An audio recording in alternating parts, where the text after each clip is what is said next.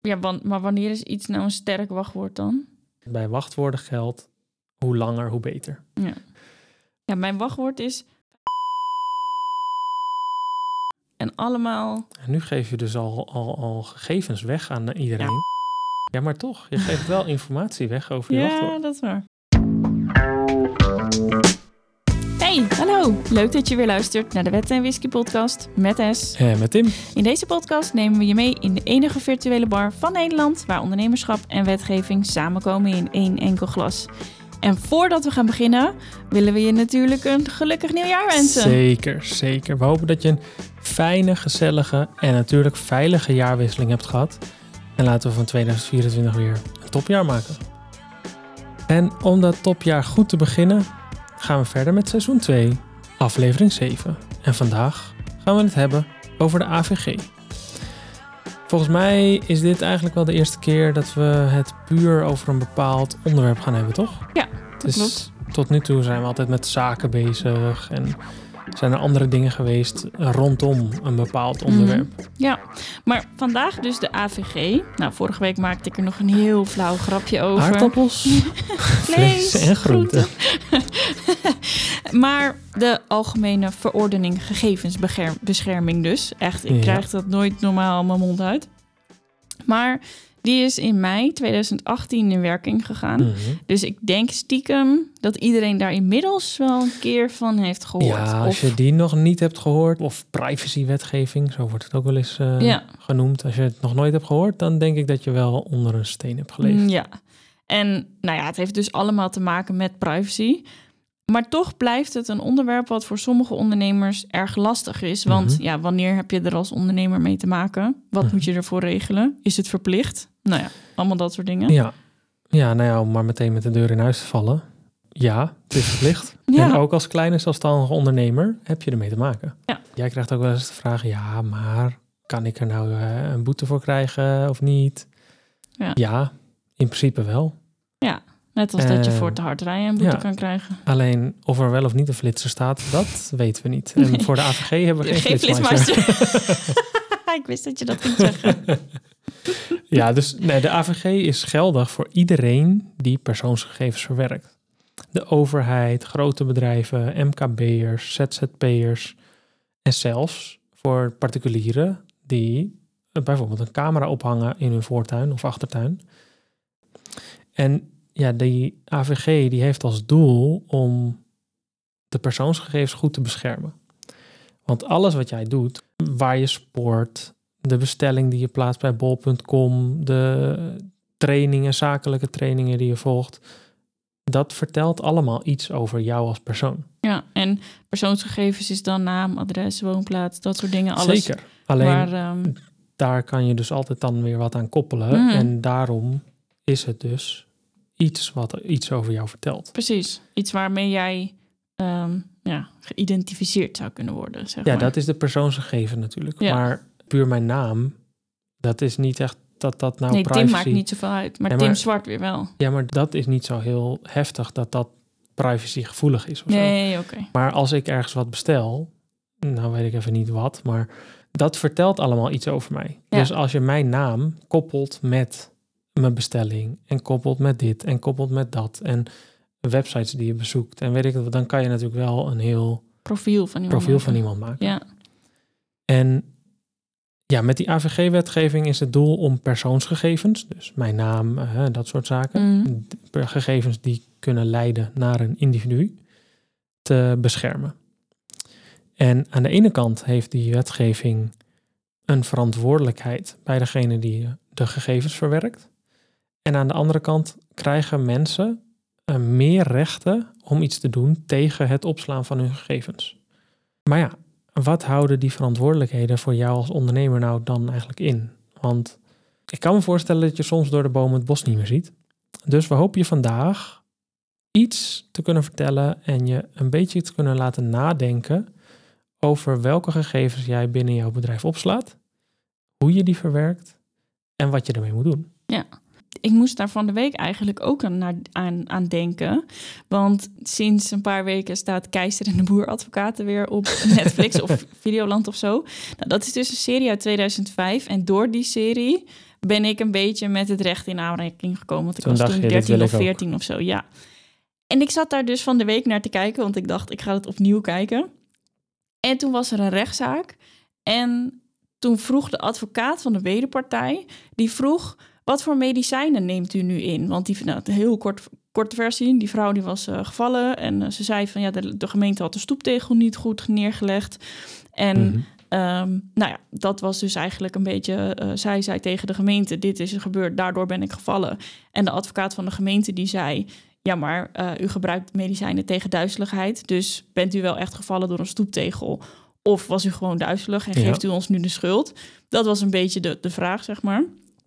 En toen werd zij dus tijdens die zitting werd ze weer duizelig. En toen zei ze tegen de advocaat: Ja, geef me even zo'n pilletje en dit en dat.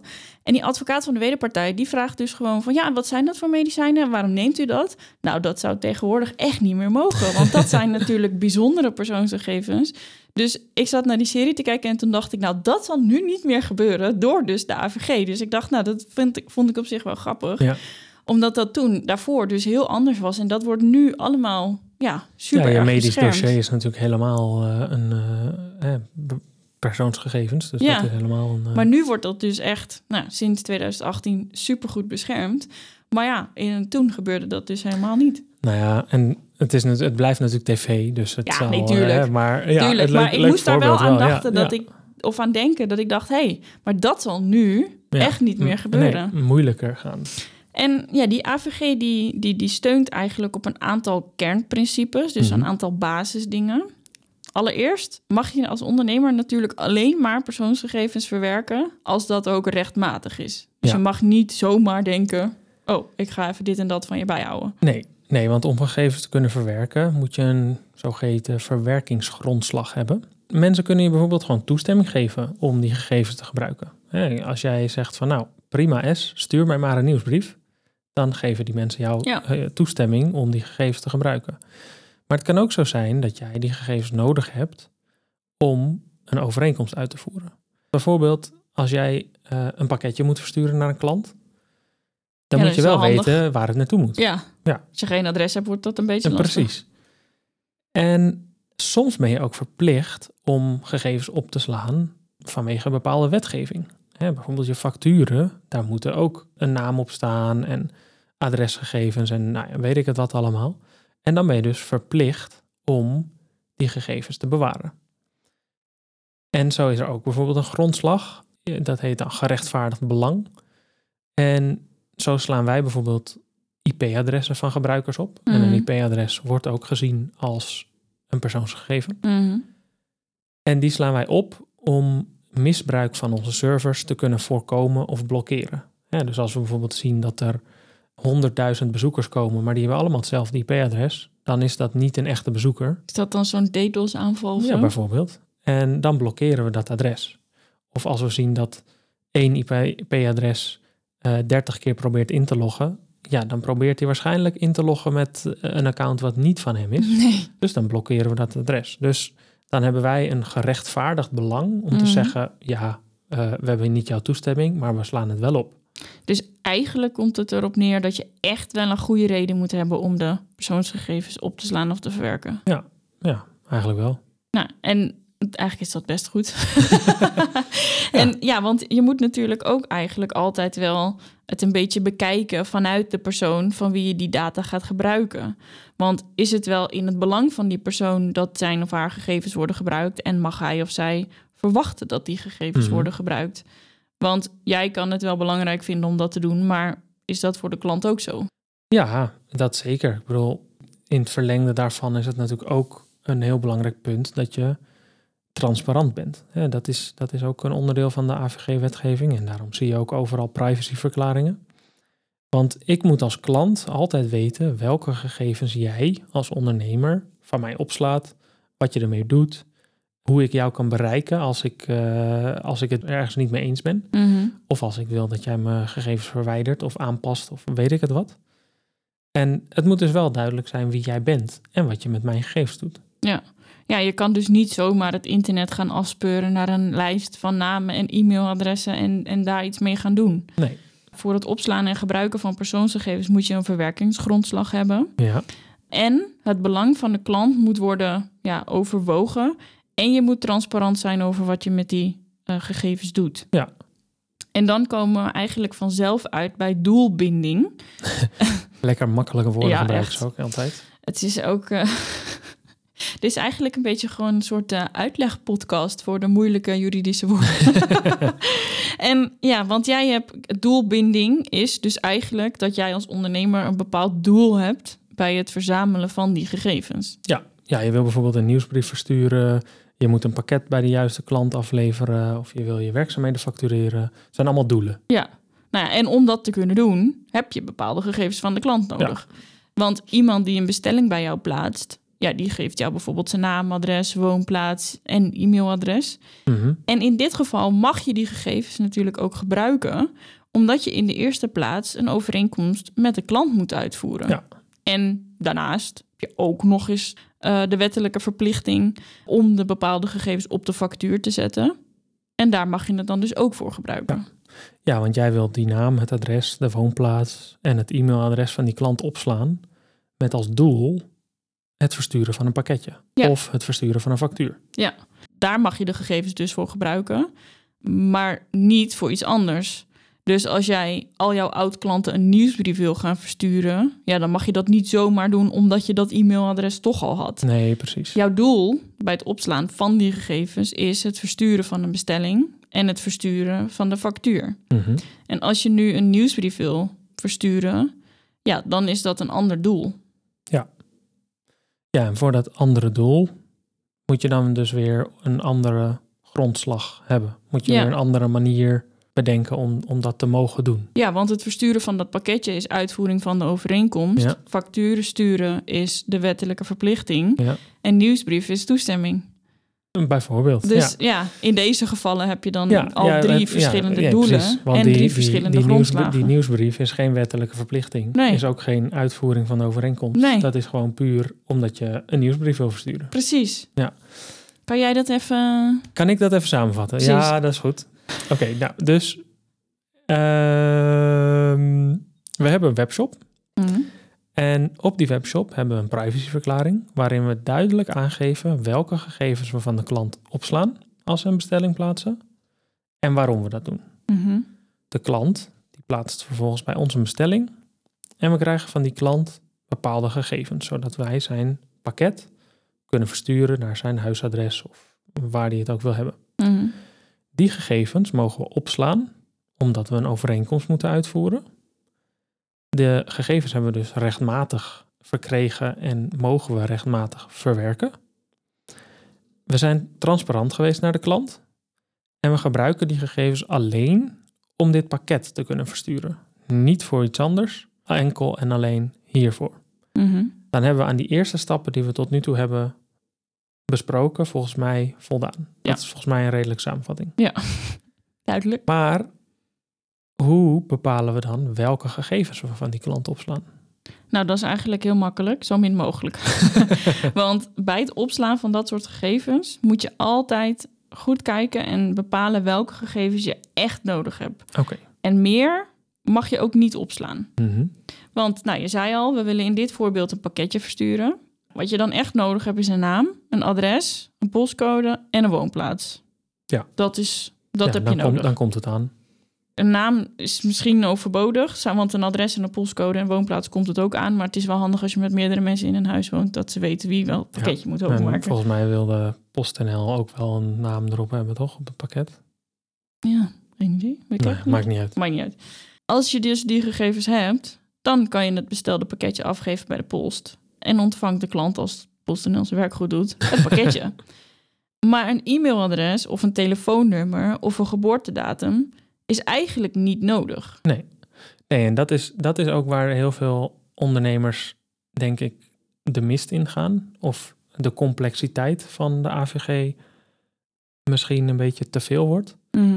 Want vaak, als iemand een bestelling plaatst, vullen ze nog veel meer gegevens in. Of wil jij dat ze nog meer gegevens invullen? Ja, kijk, een Of ze e-mail. kunnen meer gegevens invullen. Een e-mailadres zou op zich nog wel kunnen, want je wil vaak als klant ook de track and trace ontvangen. Dus dan heb je een mailadres wel nodig.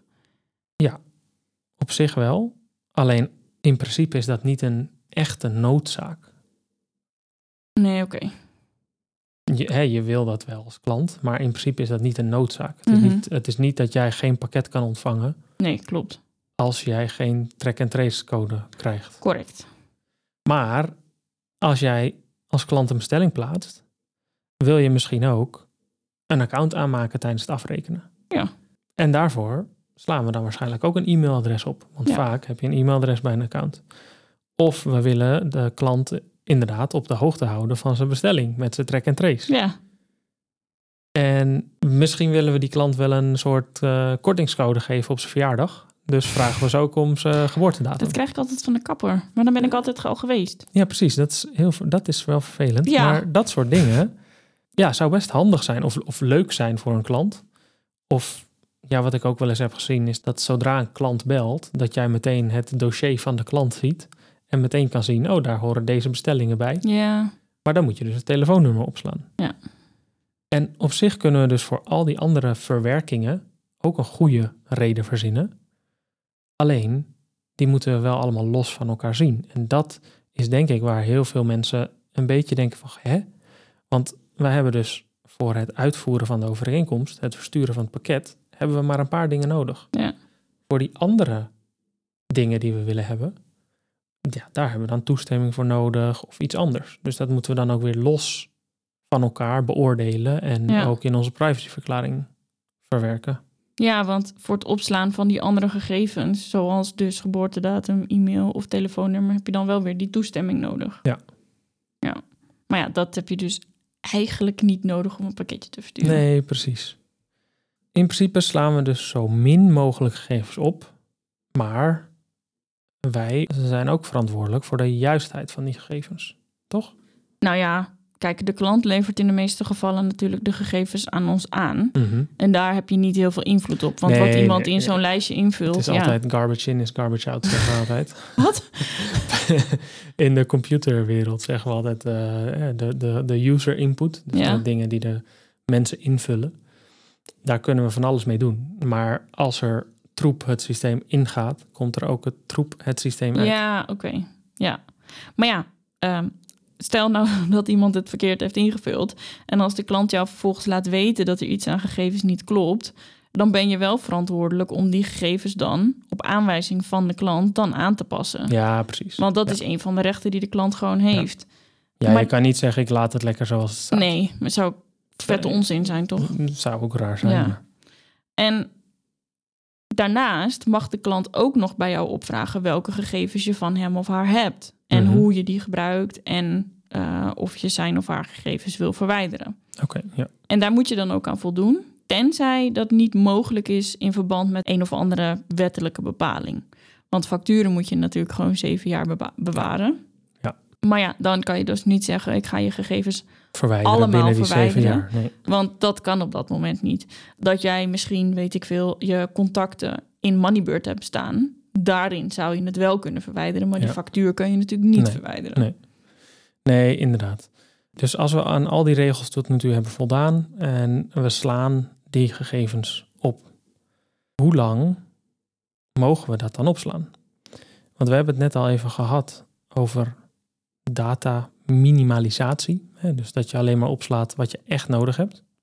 En net als bij data minimalisatie is het bij hoe lang sla je de data op in principe hetzelfde.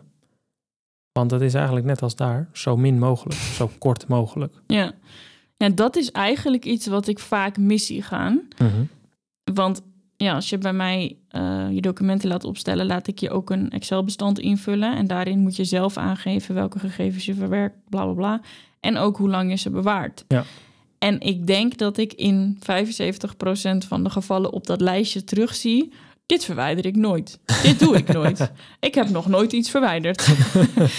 en dat is dus eigenlijk iets wat ja, wel vaak misgaat. De regel is dat je de gegevens die je verzamelt en verwerkt niet langer mag bewaren dan nodig is. Ja. Dus je zal voor elk doel een geschikte bewaartermijn moeten bedenken Mhm. en moeten vastleggen. En, no shit, je daar natuurlijk ook aan houden. Want Ja. je kan dat wel op een lijstje zetten, maar als je het vervolgens nog niet doet. Nee, nee ja, en voor sommige van die doelen is dat natuurlijk makkelijk. Hè, zoals het eh, versturen van facturen. Want de Belastingdienst die heeft gewoon gezegd: facturen of je administratie moet je zeven jaar bewaren. Ja. Dus daarbij is het makkelijk. Als ik jou een factuur stuur, dan staan daar deze persoonsgegevens op en die bewaar ik zeven jaar. Ja. Maar met andere doelen is dat soms wat lastiger. Want ja, hoe ga je daarbij exact bepalen hoe lang je die gaat bewaren? ja, je mag dat dus alleen bewaren voor de duur zolang het noodzakelijk is. Mhm. Stel nou dat iemand zich uitschrijft, jeetje, van, je, van je mailinglist. Ja, Dan heb je dat e-mailadres dus niet meer nodig.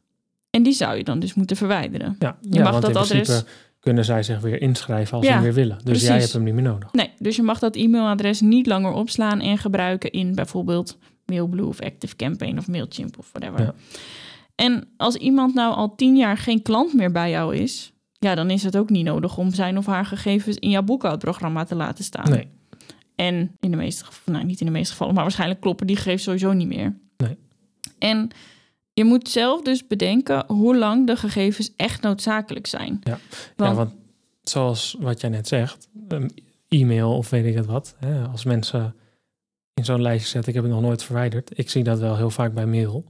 Dat mensen hun e-mailbox ongeveer 80 gig groot is en dat je terug kan tot eh, 2012 of zo. ja, maar dat mailtje van nou, ik wens je een hele fijne jaarwisseling eh, uit 2012 heb je niet meer nodig. Nee, nee. Dus weet je, en dat soort mails, ja, die zijn waarschijnlijk al lang niet meer noodzakelijk.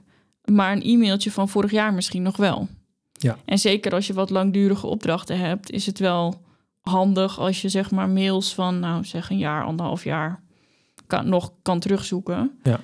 Dan, dan is dat ook prima. Maar dan moet je dat dus wel ook aangeven en dat klanten weten dat je dat zo lang bewaart. Ja, ja, want dan komen we weer op dat stukje transparantie. Dat jij vooruit of dat klanten moeten weten. Goh, Esmeralda slaat deze gegevens op. En dat doet ze zo lang. Ja. En dan moet je natuurlijk dat ook moet je daaraan houden. Ja, en je moet inderdaad dus de data verwijderen zodra je het niet meer nodig hebt. Ja. En dat de klanten daar ook ja, vanuit kunnen gaan. Ja. Nou, en als laatste hebben we dan eigenlijk nog de vertrouwelijkheid en de integriteit. Mhm. Want ja, als bedrijf ben jij natuurlijk verplicht de gegevens die je verzamelt en verwerkt natuurlijk vertrouwelijk te behandelen. Ja, En daardoor zorg ik er ook voor dat eh, de gegevens beschermd zijn tegen ongeoorloofde of rechtmatige verwerking. En dat je, er moet voor, dat je ervoor moet zorgen dat je het beschermt tegen onopzettelijk verlies, vernietiging, beschadiging, dat soort dingen. ja, je zal daar ook maatregelen moeten treffen om, om die vertrouwelijkheid en zekerheid te garanderen. Maar hoe, hoe doe je dat? Nou ja, dat, is, dat is een heel technisch verhaal. En eh, als eh, mensen dat interessant vinden, dan kunnen we daar ook wel een hele losse aflevering een keer over doen. Want ik denk Nou ja. dat ik daar best heel veel over kan vertellen. Dat lijkt me een, een goed idee. Maar ik zal het een beetje kort proberen te houden. Want nou ja, de basis begint wat mij betreft toch echt gewoon bij een wachtwoord. Een Mhm. goed wachtwoord.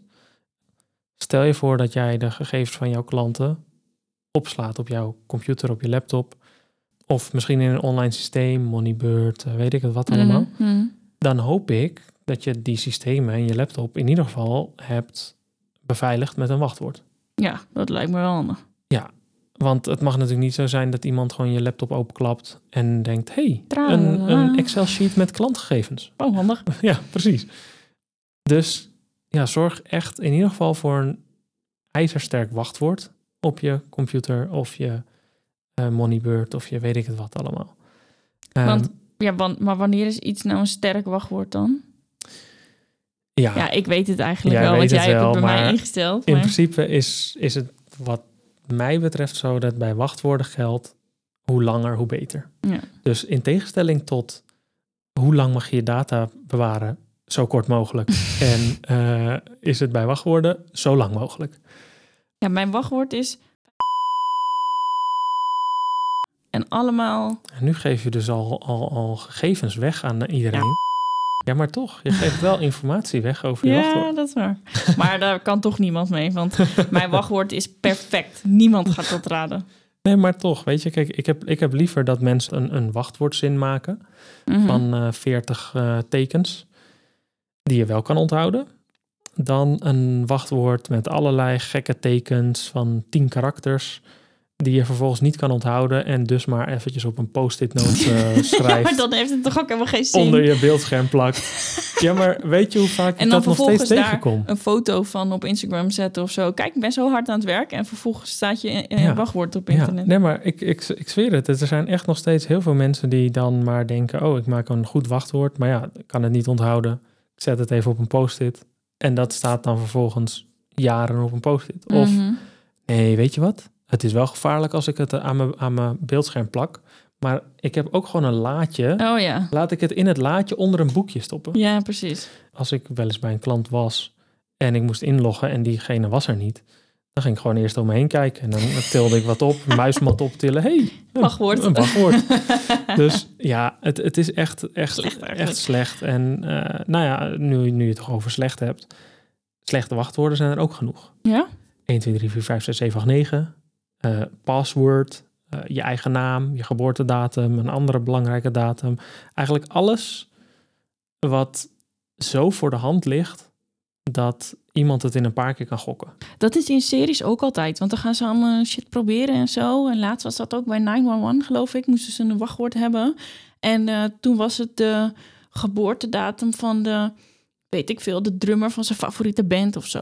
nou, het was nou het was fam- familie, dus die wisten dat wel snel. Maar dat soort dingen. Ja. Nou ja, wat je heel veel bij telefoons ziet, is dat natuurlijk. Hè? Telefoons hebben standaard vier cijferige code. Mhm. En wat je heel vaak ziet, is dat mensen bijvoorbeeld denken: ja, ik wil wel een code, maar ja, wat ga ik doen? Nou, laten we doen eh, 1806, want dat is lekker makkelijk te onthouden. Of laat ik doen eh, 1992, want dat is lekker makkelijk te onthouden. Ja, precies. Ehm, ja, dat is, dat is stom. Dat is dom. Ja. Eh, verzin iets moeilijkers en het liefst ook meer dan vier Ik tekentjes. heb ook vier. Ja. En misschien moet ik die van mij ook maar eens aanpassen. Ja. Maar dat is mijn telefoon. Daar staan verder geen klantgegevens in als je niet mijn paswoord... Oh ja, kut. Je kan toch alle mijn apps openen? telefoonnummers ook. Ja, dat is natuurlijk ook- contacten, telefoonnummers. Note Maar- to self. Maar ook Pincode eh, aanpassen. als mensen jouw telefoon unlocken, kunnen ze ook in je Instagram, in je Facebook, ja. in je Notion, Oh. in je alles. Mijn Notion. Ze ja. kunnen overal in. Oh shit. Oké, ik ga een nieuwe pincode bedenken. Nou, Waarschijnlijk kunnen ze ook gewoon in je Moneybird en je Molly en je weet ik het wat. Weet je, dus dat is het. Mensen zien dat niet zo snel. Maar, dit is wel een goede eye-opener. maar eerlijk is eerlijk, de meeste mensen gebruiken Face Unlock of eh, Ja, eh, een andere biometrische dingen, zoals eh, vinger, vingerafdruk. Dus ja, waarom zou je dan niet een moeilijker wachtwoord hebben? Ja. Want je gebruikelijke, je, je dag tot dag gebruik is gewoon met je vingerafdruk of weet ik het wat. Ja. En dan moet je één keer per dag, misschien, ik weet niet precies hoe dat zit bij iPhone. Ik, als ik mijn telefoon opnieuw aanzet, moet ik één keer eh, Ja, dan moet je de code, invoeren. code invoeren. Dus ja, zorg dat die ook goed is. Ik ben zelf ook een heel groot fan van wachtwoordmanagers. Nou ja, dat zei jij net zelf natuurlijk ook al. Ja, dat- ik Ehm, zweer daarbij. En twee-factor authenticatie. Ook heel Ehm, fijn. Want ja, daar, kijk, met een wachtwoordmanager zorg je er gewoon voor dat je op elke website een heel lang, heel ingewikkeld wachtwoord kan gebruiken. Wat wel met allemaal willekeurige cijfertjes, lettertjes, eh, dingetjes, symbooltjes is. Zonder dat jij van elke website een wachtwoord hoeft te onthouden. Ja, al die wachtwoord tegenwoordig. En met twee-factor factor authenticatie zorg je er dan nog eens voor dat als iemand wel jouw wachtwoord heeft, dat ze nog steeds niet naar binnen kunnen. Ja. Want dan kunnen ze wel inloggen, maar dan vervolgens krijgen ze de melding om die tweede code. En die tweede code, die heb alleen jij. Die hebben ze niet, ja. Dus ja, daar begint het wel echt bij. En je kunt natuurlijk ook overwegen om alle klantgegevens te versleutelen. Of misschien zelfs heel je, heel je computer te versleutelen. Ehm, dat zit volgens mij in Windows en in Apple eh, zitten daar ook standaard functies eh, voor. Want daarmee zorg je dus dat stel dat jouw laptop wel op straat komt te liggen, dan kunnen ze in principe ook jouw harde schijf eruit halen. En die zouden ze kunnen uitlezen. Behalve als hij versleuteld is. En ja, dan kunnen ze gewoon niks met die gegevens, ook al verlies je je laptop. Ja. Maar dan ben je wel die gegevens kwijt. Dus naast beveiligen moet je ook backups maken. Want als jij die gegevens echt kwijtraakt en je hebt geen backup, dan ben je ze verloren. Is wel onopzettelijk, maar je bent ze verloren. Ja. Dus daar moet je ook echt wel bij stilstaan. En als laatste, wat ik nu voor nu even wil zeggen, let ook op meekijkende ogen. Mhm. Want we werken allemaal wel eens buiten de deur. Misschien in een, eh, in een restaurant of een eh, weet ik het waar. Of je zit met, eh, met andere ondernemers aan tafel en je zit gezellig te brainstormen te doen, weet ik het wat. En als jij dan vervolgens denkt, oh, ik ga even naar de wc. Ja, klap even je laptop dicht of doe Windows L, dan lokt hij meteen. Weet je, zorg dat anderen niet meer kunnen zien wat er op jouw beeldscherm staat. Ja. En dat niet meer zien wat er op je beeldscherm staat, denk daar ook even over na als jij in een meeting zit en je beeldscherm deelt. Want het, Ja, ge- het, ge- gebeurt wel vaak, of nou vaak, ik heb het wel eens gehad, dat ik dan met een klant mee zit te kijken, omdat we overleggen over bepaalde dingen. En vervolgens zeggen ze, ook ik ga even een mailtje erbij pakken. En dan zie je, gaan ze hun hele mailbox doorzoeken. Oh, ja. En dan zie je allerlei informatie die niet voor mij bedoeld is. Nee, precies. Plus namen, e-mailadressen, telefoonnummers, van alles. Mhm. En dat is eigenlijk allemaal een datalek. Ja. Want ik heb dingen gezien. Die niet voor die jou ik niet mag waren. zien. Nee. Dus denk daar ook nog even bij na als jij je scherm deelt. Zorg dat alleen de gegevens zichtbaar zijn die je ook daadwerkelijk wil laten zien. Ja. Ja, dat over die, eh, je, je scherm lokken als je even naar de wc gaat. Dat, eh, ik heb bij het UWV gewerkt en bij de SWB. En daar is het natuurlijk ook, ja, daar heb je gewoon afdelingen groot met allerlei mensen die Ja. ook gewoon, ja, jij hebt natuurlijk gewoon je eigen badge aan Ja, dossiers. Dus dat is alleen maar voor mij. En mijn collega kon daar eigenlijk gewoon, ja, die mocht daar niet per se bij, zeg nee, maar. precies. Dus daar was het ook dat als je een keer vergeten was om je ding op je computer te lokken en je ging naar de wc of je ging koffie halen of whatsoever, dan kwam je terug en dan had je wel echt een probleem. Want dan hadden drie collega's al gezien dat jij het niet had gelokt. en dan was er, stond er of iets vaags op je beeldscherm of weet ik veel wat. Dat het dus wel, ja, dat je door had dat je het vergeten was. Ja. Ja, En maar dat, is op zich, op zich is dat best goed. Want Ja. dan heb je sociale controle eigenlijk. Precies. Dat je elkaar erop op, op wijst. Ja, want ja, de SVB zit in een vet groot gebouw. Maar ja, de, de, de, de ene afdeling komt ook op de andere afdeling. Maar ja, dit hoeft niet allemaal van elkaar gezien te worden Nee. natuurlijk. En ehm, ja, daar was ook echt wel een goede, bij de UWV ook echt wel een goede controle op. Want ja, je hebt natuurlijk ook toegang tot allemaal databases, GBA, Zeker. dat soort dingen. Ehm, ja, en daar was ook dat je gewoon, als je het in je hoofd haalde om bijvoorbeeld ehm, Willem-Alexander op te zoeken in het systeem, dan werd je gewoon per direct ontslagen. Ja. En als jij niet kon, ehm, eh, hoe zeg je dat? Eh, nou, help me eens. Als je niet kon verantwoorden Mhm. waarom jij een bepaald dossier geopend had, daar stond echt wel eh, een flinke straf op eigenlijk daar. Maar dat is ook, dat is ook terecht. Ja, om dus dit soort gegevens van anderen waar jij niet bij mag, gewoon eh, eh, te beschermen.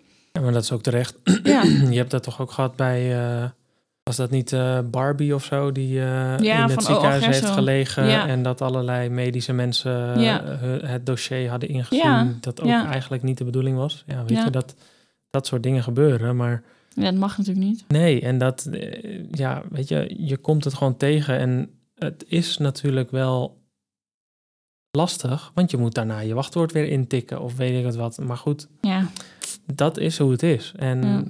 soms, sommige mensen snappen dat niet, willen het niet snappen, willen het niet doen. Ehm, ik heb in het verleden ook wel eens een bedrijf eh, geholpen toen ik nog IT, eh, IT-hulp deed.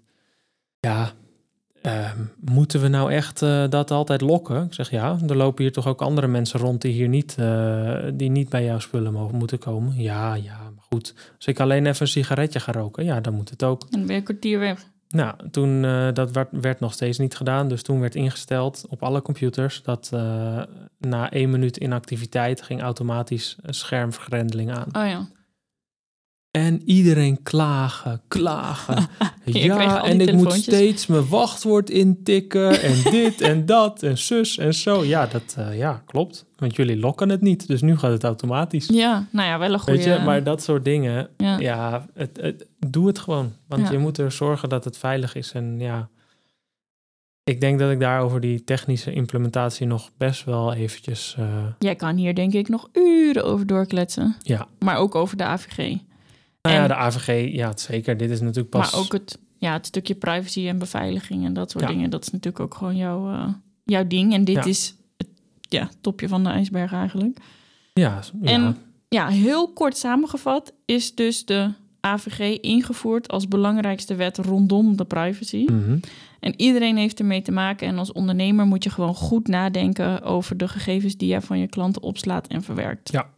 En je mag natuurlijk alleen persoonsgegevens van jouw klanten opslaan en verweer- verwerken als je hier een rechtmatige reden voor hebt. En je moet dus in je privacyverklaring transparant en duidelijk laten weten welke gegevens je opslaat, wat je ermee doet, waarom je die gegevens opslaat eh, en ook de juiste ehm, wettelijke eh, Grondslag. grondslag Ja. erbij zetten. Ja. En, nee, zeg maar wat jij Nee, zeggen. nee, ga maar verder over de privacyverklaring, geen probleem. dat wat ik ook heel vaak met de privacyverklaring mis zie gaan. En dat komt omdat ik... Ik heb maar één oogopslag nodig om te weten... deze privacyverklaring is door iemand opgesteld die daar verstand van heeft. Of niet. Of het is een standaard privacyverklaring. Of het is generator troep, om het maar even zo te noemen. En met een generator is op zich niets mis. Maar in die generator privacyverklaring staan, wat wij net hebben uitgelegd, alle gegevens onder elkaar: voornaam, achternaam, adres, postcode, woonplaats, e-mailadres, telefoonnummer, geboortedatum. Ja, daar staat gewoon in alles wat je opslaat. Precies. Punt. Maar niet, zoals wij dus heel duidelijk net hebben uitgelegd, dat je alleen maar naam, adres, postcode, woonplaats nodig hebt voor een factuur. Ja. Ja, want je mag die ja, dat, is, dat is nog weer de samenvatting. Je mag die gegevens die je opslaat alleen gebruiken voor het doel wat je in jouw privacyverklaring hebt opgenomen. Precies.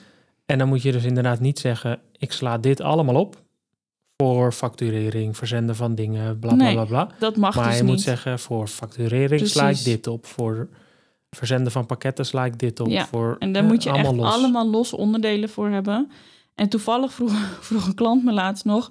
Ja, Es, die privacyverklaring van jou die is zo lang... en eh, op internet staan allemaal van die, eh, van die lekkere korte. Ik zeg, ja, die lekkere korte... die moet je lekker aan eh, niet gebruiken. Ik lekker heb hem fout. Precies, ik heb hem gemaakt zoals het moet. Dus gebruik deze en kijk niet naar die andere troep... die uit de generator is gekomen... of iemand al dertig keer van iemand heeft gekopieerd. Want ik maak hem zoals het wettelijk gezien moet. Mhm. En dan sla je dus ook alleen maar datgene op wat je echt nodig hebt. Ja, en als die gegevens van jouw klant niet kloppen, dan zorg je er natuurlijk voor dat die weer worden bijgewerkt. En als je gegevens niet langer nodig hebt, dan verwijder je ze. En natuurlijk, zoals ik net al zei, zorg je ervoor dat die gegevens altijd veilig zijn. Dit was seizoen 2, aflevering 7 van de Wet en Whisky podcast. We hopen dat je een heerlijke start van 2024 hebt gehad. En we wensen je een geweldig jaar en dat al je dromen en wensen dit jaar uit mogen komen. Allemaal. en heb je nog geen privacyverklaring? Here I am! Weet je wel dat je aan de slag zou moeten met de AVG, maar heb je dat nog niet gedaan? Neem dan contact op met S en zij helpt je graag verder. Ja. Volgende week zijn we weer bij je terug met een nieuwe aflevering. We vertellen je aan de hand van drie zaken waarom het op, in sommige gevallen toch echt wel verstandig is om een jurist in te huren en je poot gewoon stijf te houden in plaats van je te laten intimideren door de wederpartij. Heb je vragen voor S of voor mij? Of wil je wat anders met ons delen? Laat het ons dan gerust weten. En ben je nou net zo enthousiast over deze AVG-aflevering als wij? Deel hem dan met je volgers. Vergeet ons niet te volgen op je favoriete podcastplatform. En eh, geef je ons een goede beoordeling. En wil je als eerste op de hoogte zijn van onze nieuwe afleveringen? Schrijf je dan in voor de Wetten en Whisky podcast updates. En wellicht ontvang je elke week een show note van onze afleveringen. Nou, we hopen je volgende week weer terug te zien bij onze volgende aflevering.